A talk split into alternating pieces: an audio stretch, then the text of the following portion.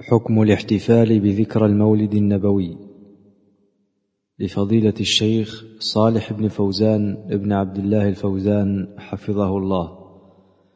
بسم الله الرحمن الرحيم. المقدمة. الحمد لله رب العالمين والصلاة والسلام على نبينا محمد وآله وصحبه أجمعين. وبعد فلا يخفى ما ورد في الكتاب والسنة من الأمر باتباع ما شرعه الله ورسوله والنهي عن الابتداء في الدين. قال تعالى قل ان كنتم تحبون الله فاتبعوني يحببكم الله ويغفر لكم ذنوبكم. وقال تعالى اتبعوا ما أنزل إليكم من ربكم ولا تتبعوا من دونه أولياء قليلا ما تذكرون. وقال تعالى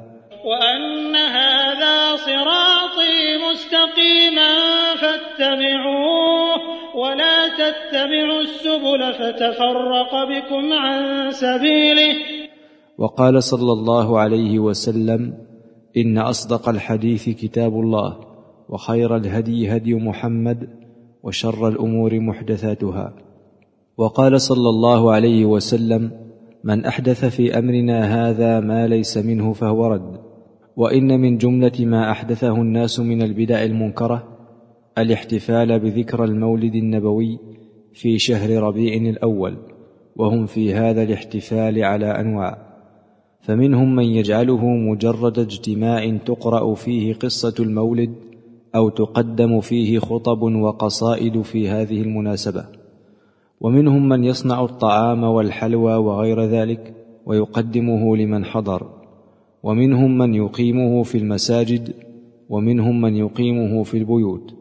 ومنهم من لا يقتصر على ما ذكر فيجعل هذا الاجتماع مشتملا على محرمات ومنكرات من اختلاط الرجال بالنساء والرقص والغناء أو أعمال شركية كالاستغاثة بالرسول صلى الله عليه وسلم وندائه والاستنصار به على الأعداء وغير ذلك وهو بجميع أنواعه واختلاف أشكاله واختلاف مقاصد فاعليه لا شك ولا ريب أنه بدعة محرمة محدثة.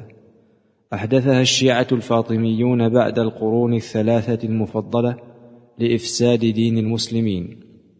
وأول من أظهره بعدهم الملك المظفر أبو سعيد كوكبوري ملك إربل في آخر القرن السادس أو أول القرن السابع الهجري.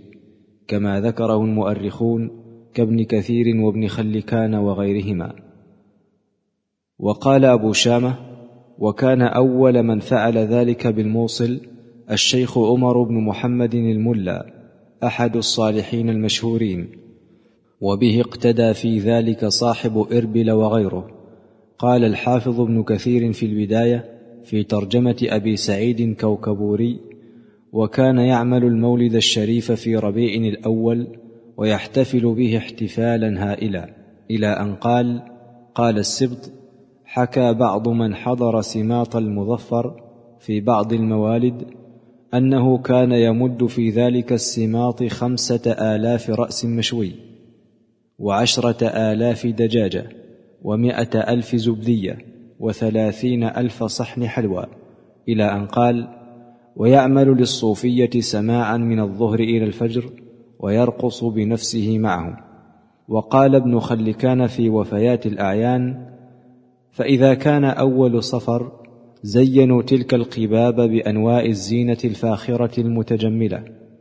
وقعد في كل قبة جوق من الأغاني وجوق من أرباب الخيال ومن أصحاب الملاهي. ولم يتركوا طبقة من تلك الطبقات طبقات القباب حتى رتبوا فيها جوقا. وتبطل معايش الناس في تلك المدة. وما يبقى لهم شغل إلا التفرج والدوران عليهم.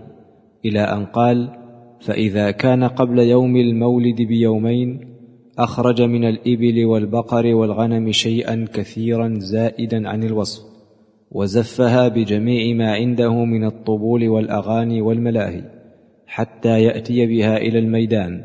إلى أن قال فإذا كانت ليلة المولد عمل السماعات بعد أن يصلي المغرب في القلعة. فهذا مبدأ حدوث الاحتفال وإحيائه بمناسبة ذكر المولد. حدث متاخرا ومقترنا باللهو والسرف وإضاعة الأموال والأوقات وراء بدعة ما أنزل الله بها من سلطان. والذي يليق بالمسلم إنما هو إحياء السنن وإماتة البدع. وألا يقدم على عمل حتى يعلم حكم الله فيه. حكم الاحتفال بذكرى المولد النبوي. عدم كون الاحتفال من سنة الرسول صلى الله عليه وسلم ولا من سنة خلفائه. الاحتفال بمناسبة مولد الرسول صلى الله عليه وسلم ممنوع ومردود من عدة وجوه. اولا أنه لم يكن من سنة الرسول صلى الله عليه وسلم ولا من سنة خلفائه وما كان كذلك فهو من البدع الممنوعة لقوله صلى الله عليه وسلم عليكم بسنتي وسنة الخلفاء الراشدين المهديين من بعدي تمسكوا بها وعضوا عليها بالنواجذ وإياكم ومحدثات الأمور فإن كل محدثة بدعة وكل بدعة ضلالة. والاحتفال بالمولد محدث أحدثه الشيعة الفاطميون بعد القرون المفضلة لإفساد دين المسلمين. ومن فعل شيئا يتقرب به إلى الله تعالى لم يفعله الرسول صلى الله عليه وسلم ولم يأمر به ولم يفعله خلفاؤه من بعده فقد تضمن فعله اتهام الرسول بأنه لم يبين للناس دينهم وتكذيب قوله تعالى اليوم أكملت لكم دينكم لأنه جاء بزيادة يزعم أنها من الدين ولم يأت بها الرسول صلى الله عليه وسلم في الاحتفال بذكرى المولد تشبه بالنصارى. ثانيا في الاحتفال بذكرى المولد تشبه بالنصارى لأنهم يحتفلون بذكرى مولد المسيح عليه السلام والتشبه بهم محرم أشد التحريم. ففي الحديث النهي عن التشبه بالكفار والأمر بمخالفتهم فقد قال صلى الله عليه وسلم من تشبه بقوم فهو منهم. أخرجه أحمد وأبو داود وجود إسناده ابن تيمية في اقتضاء الصراط المستقيم وحسنه السيوطي في الجامع الصغير. وقال خالف المشركين. أخرجه مسلم. ولا سيما فيما هو من شعائر دينهم. الاحتفال بذكرى المولد وسيلة إلى الغلو والمبالغة في تعظيم النبي صلى الله عليه وسلم. ثالثا أن الاحتفال بذكرى مولد الرسول صلى الله عليه وسلم مع كونه بدعة وتشبها بالنصارى وكل منهما محرم فهو كذلك وسيلة إلى الغلو والمبالغة في تعظيمه حتى يفضي إلى دعائه والاستغاثة به من دون الله كما هو الواقع الآن من كثير ممن يحيون بدعة المولد من دعاء الرسول من دون الله وطلب المدد منه وإنشاد القصائد الشركية في مدحه كقصيدة البردة وغيرها. وقد نهى صلى الله عليه وسلم عن الغلو في مدحه فقال لا تطروني كما أطرت النصارى ابن مريم إنما أنا عبد فقولوا عبد الله ورسوله. أخرجه البخاري. أي لا تغلوا في مدحي وتعظيمي كما غلت النصارى في مدح المسيح وتعظيمه حتى عبدوه من دون الله. وقد نهاهم الله عن ذلك بقوله يا أهل الكتاب لا تغلوا في دينكم ولا تقولوا على الله إلا الحق. إنما المسيح عيسى ابن مريم رسول الله وكلمته ألقاها إلى مريم وروح منه. ونهانا نبينا صلى الله عليه وسلم عن الغلو خشية أن يصيبنا ما أصابهم. فقال إياكم والغلو فإنما أهلك من كان قبلكم الغلو. أخرجه النسائي وصححه الألباني في صحيح سنن النسائي. إحياء بدعة المولد يفتح الباب للبدع الأخرى والاشتغال بها عن السنن.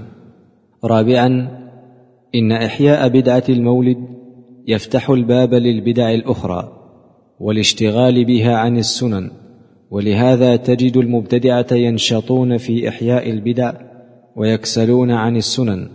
ويبغضونها ويعادون أهلها حتى صار دينهم كله ذكريات بدعية وموالد وانقسموا إلى فرق كل فرقة تحيي ذكرى موالد أئمتها كمولد البدوي وابن عربي والدسوقي والشاذلي وهكذا لا يفرغون من مولد إلا وينشغلون بآخر ونتج عن ذلك الغلو بهؤلاء الموتى وبغيرهم دعاؤهم من دون الله واعتقاد أنهم ينفعون ويضرون حتى انسلخوا من دين الإسلام وعادوا إلى دين أهل الجاهلية الذين قال الله فيهم ويعبدون من دون الله ما لا يضرهم ولا ينفعهم.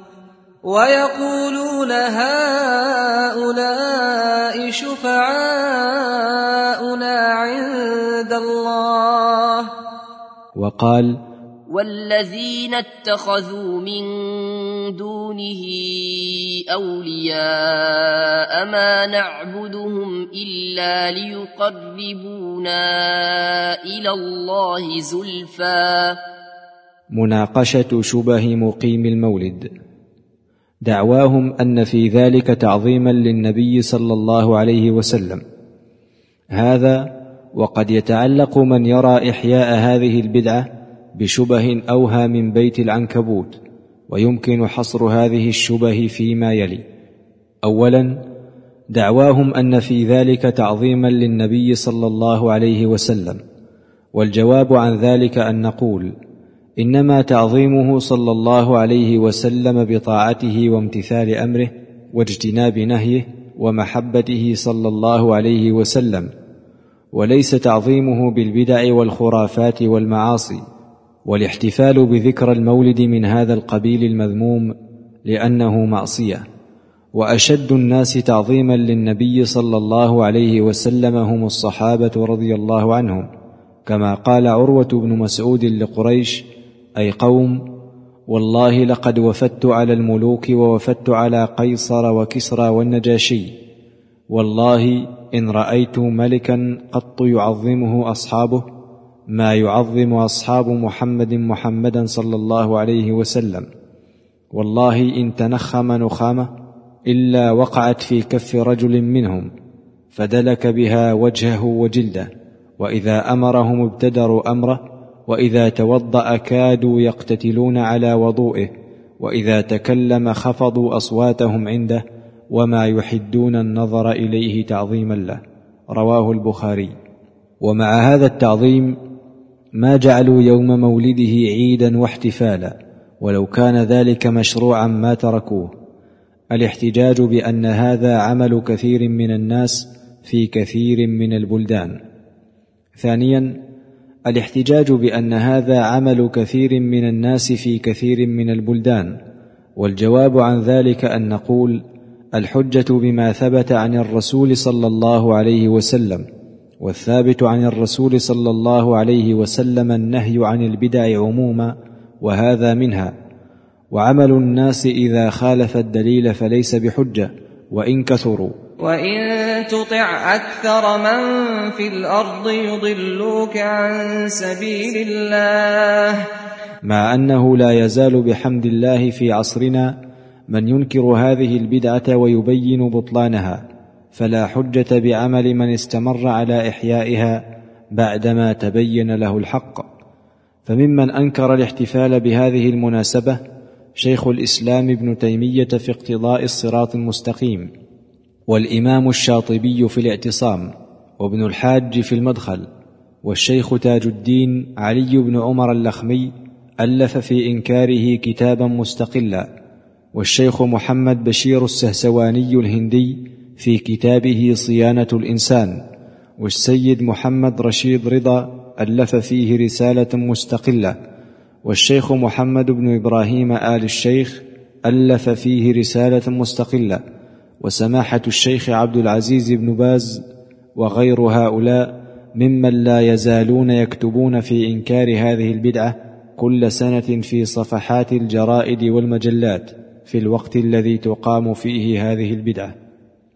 قولهم إن في إقامة المولد إحياء لذكر النبي صلى الله عليه وسلم.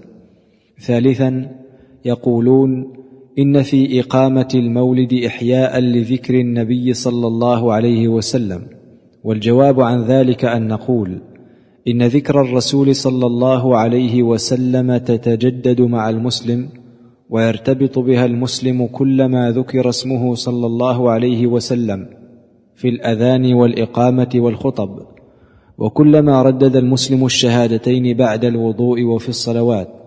وكلما صلى على النبي صلى الله عليه وسلم في صلواته وعند ذكره وكلما عمل المسلم عملا صالحا واجبا أو مستحبا مما شرعه الرسول صلى الله عليه وسلم فإنه بذلك يتذكره ويصل إليه من الأجر مثل أجر العامل. وهكذا المسلم دائما يحيي ذكر الرسول ويرتبط به في الليل والنهار طوال عمره بما شرعه الله لا في يوم مولده فقط وبما هو بدعة ومخالفة لسنته فإن ذلك يبعد عن الرسول صلى الله عليه وسلم ويتبرأ منه. والرسول صلى الله عليه وسلم غني عن هذا الاحتفال البدعي بما شرعه الله له من تعظيمه وتوقيره كما في قوله تعالى ورفعنا لك ذكرك فلا يذكر الله عز وجل في أذان ولا إقامة ولا خطبة إلا ويذكر بعده الرسول صلى الله عليه وسلم وكفى بذلك تعظيما ومحبة وتجديدا لذكراه وحثا على اتباعه. والله سبحانه وتعالى لم ينوه في القرآن بولادة الرسول صلى الله عليه وسلم وإنما نوه ببعثته فقال هو الذي بعث في الأميين رسولا منهم.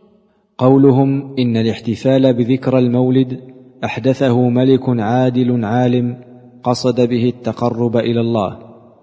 رابعا قد يقولون الاحتفال بذكرى المولد النبوي أحدثه ملك عادل عالم قصد به التقرب إلى الله. والجواب عن ذلك أن نقول البدعة لا تقبل من أي أحد كان وحسن القصد لا يسوغ العمل السيء وكونه عالما وعادلا لا يقتضي اصمته قولهم إن إقامة المولد من قبيل البدعة الحسنة.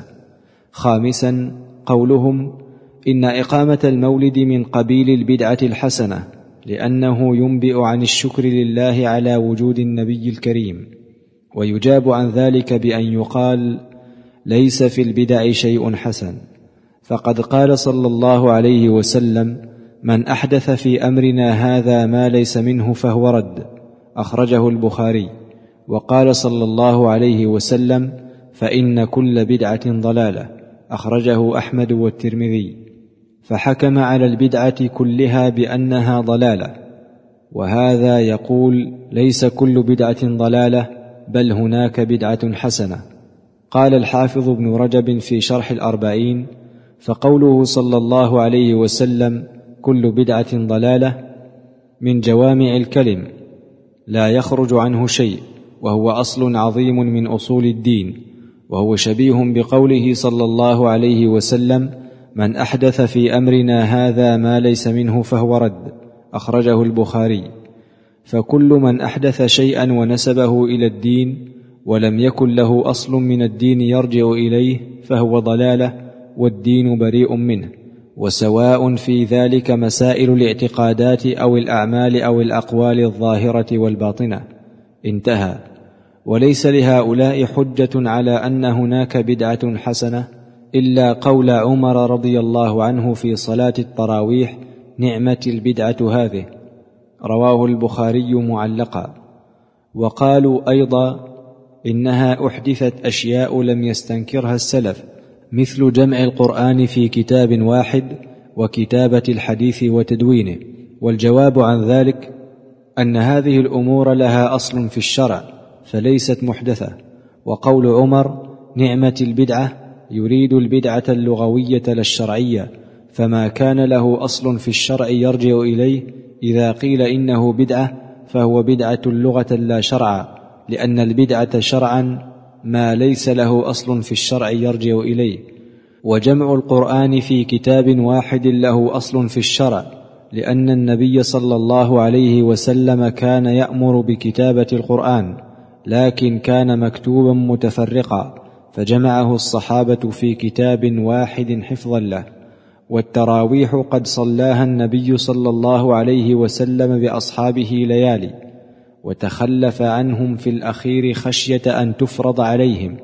واستمر الصحابة رضي الله عنهم يصلونها اوزاعا متفرقين في حياة النبي صلى الله عليه وسلم وبعد وفاته إلى أن جمعهم عمر بن الخطاب رضي الله عنه خلف إمام واحد كما كانوا خلف النبي صلى الله عليه وسلم وليس هذا بدعة في الدين.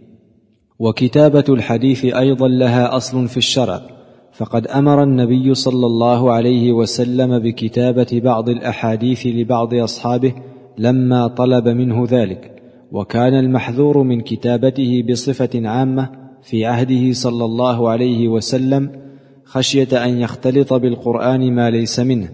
فلما توفي صلى الله عليه وسلم انتفى هذا المحذور. لأن القرآن قد تكامل وضبط قبل وفاة النبي صلى الله عليه وسلم فدون المسلمون السنة بعد ذلك حفظا لها من الضياع فجزاهم الله عن الإسلام والمسلمين خيرا حيث حفظوا كتاب ربهم وسنة نبيهم صلى الله عليه وسلم من الضياع وعبث العابثين.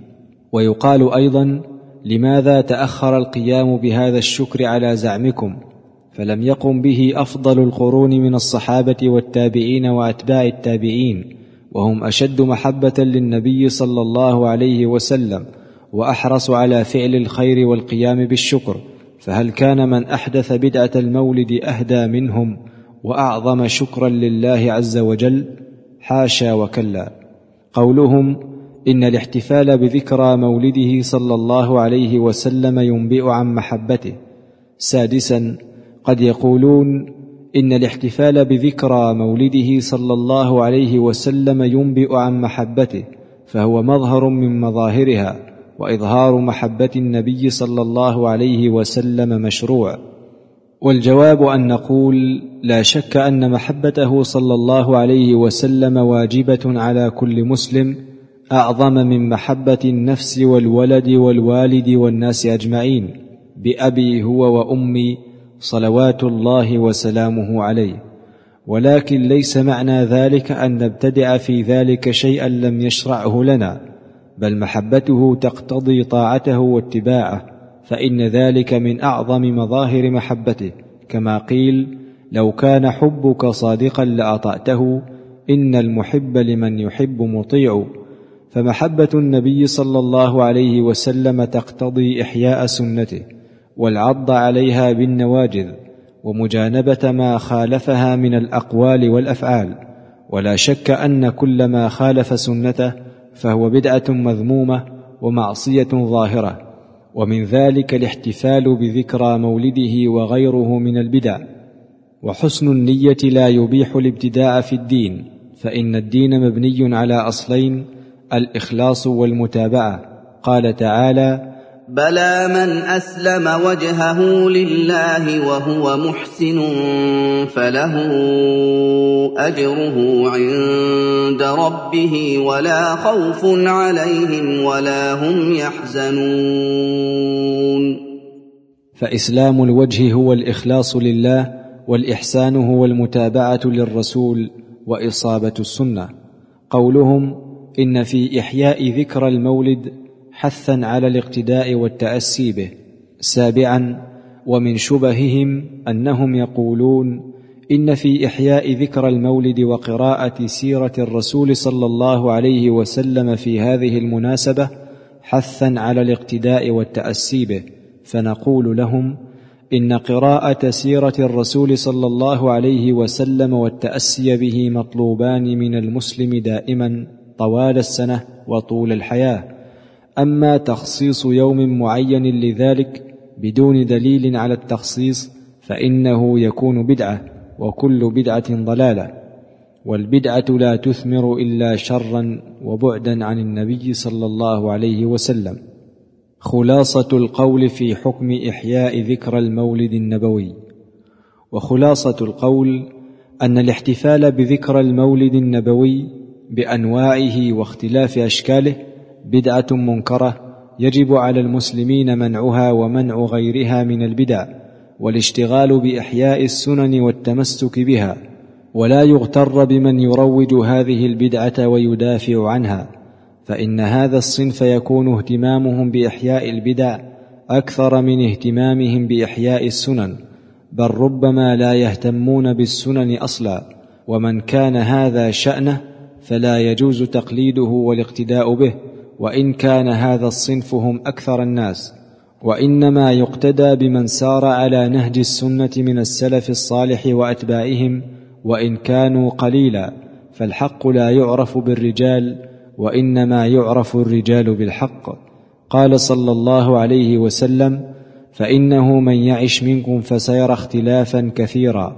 فعليكم بسنتي وسنة الخلفاء الراشدين المهديين من بعدي عضوا عليها بالنواجذ وإياكم ومحدثات الأمور فإن كل بدعة ضلالة. فبين لنا الرسول صلى الله عليه وسلم في هذا الحديث الشريف بمن نقتدي عنه كما بين أن كل ما خالف السنة من الأقوال والأفعال فهو بدعة وكل بدعة ضلالة. وإذا عرضنا الاحتفال بالمولد النبوي لم نجد له أصلا في سنة رسول الله صلى الله عليه وسلم ولا في سنة خلفائه الراشدين. إذن فهو من محدثات الأمور ومن البدع المضلة وهذا الأصل الذي تضمنه هذا الحديث قد دل عليه قوله تعالى فإن تنازعتم في شيء فردوه إلى الله والرسول إن كنتم تؤمنون بالله واليوم الآخر ذلك خير وأحسن تأويلا والرد إلى الله هو الرجوع إلى كتابه الكريم. والرد إلى الرسول صلى الله عليه وسلم هو الرجوع إلى سنته بعد وفاته. فالكتاب والسنة هما المرجع عند التنازع فأين في الكتاب والسنة ما يدل على مشروعية الاحتفال بالمولد النبوي؟ فالواجب على من يفعل ذلك أو يستحسنه أن يتوب إلى الله تعالى منه ومن غيره من البدع فهذا هو شأن المؤمن الذي ينشد الحق. وأما من عاند وكابر بعد قيام الحجة فإنما حسابه عند ربه. هذا ونسأل الله سبحانه وتعالى أن يرزقنا التمسك بكتابه وسنة رسوله إلى يوم نلقاه. وصلى الله وسلم وبارك على نبينا محمد وآله وصحبه.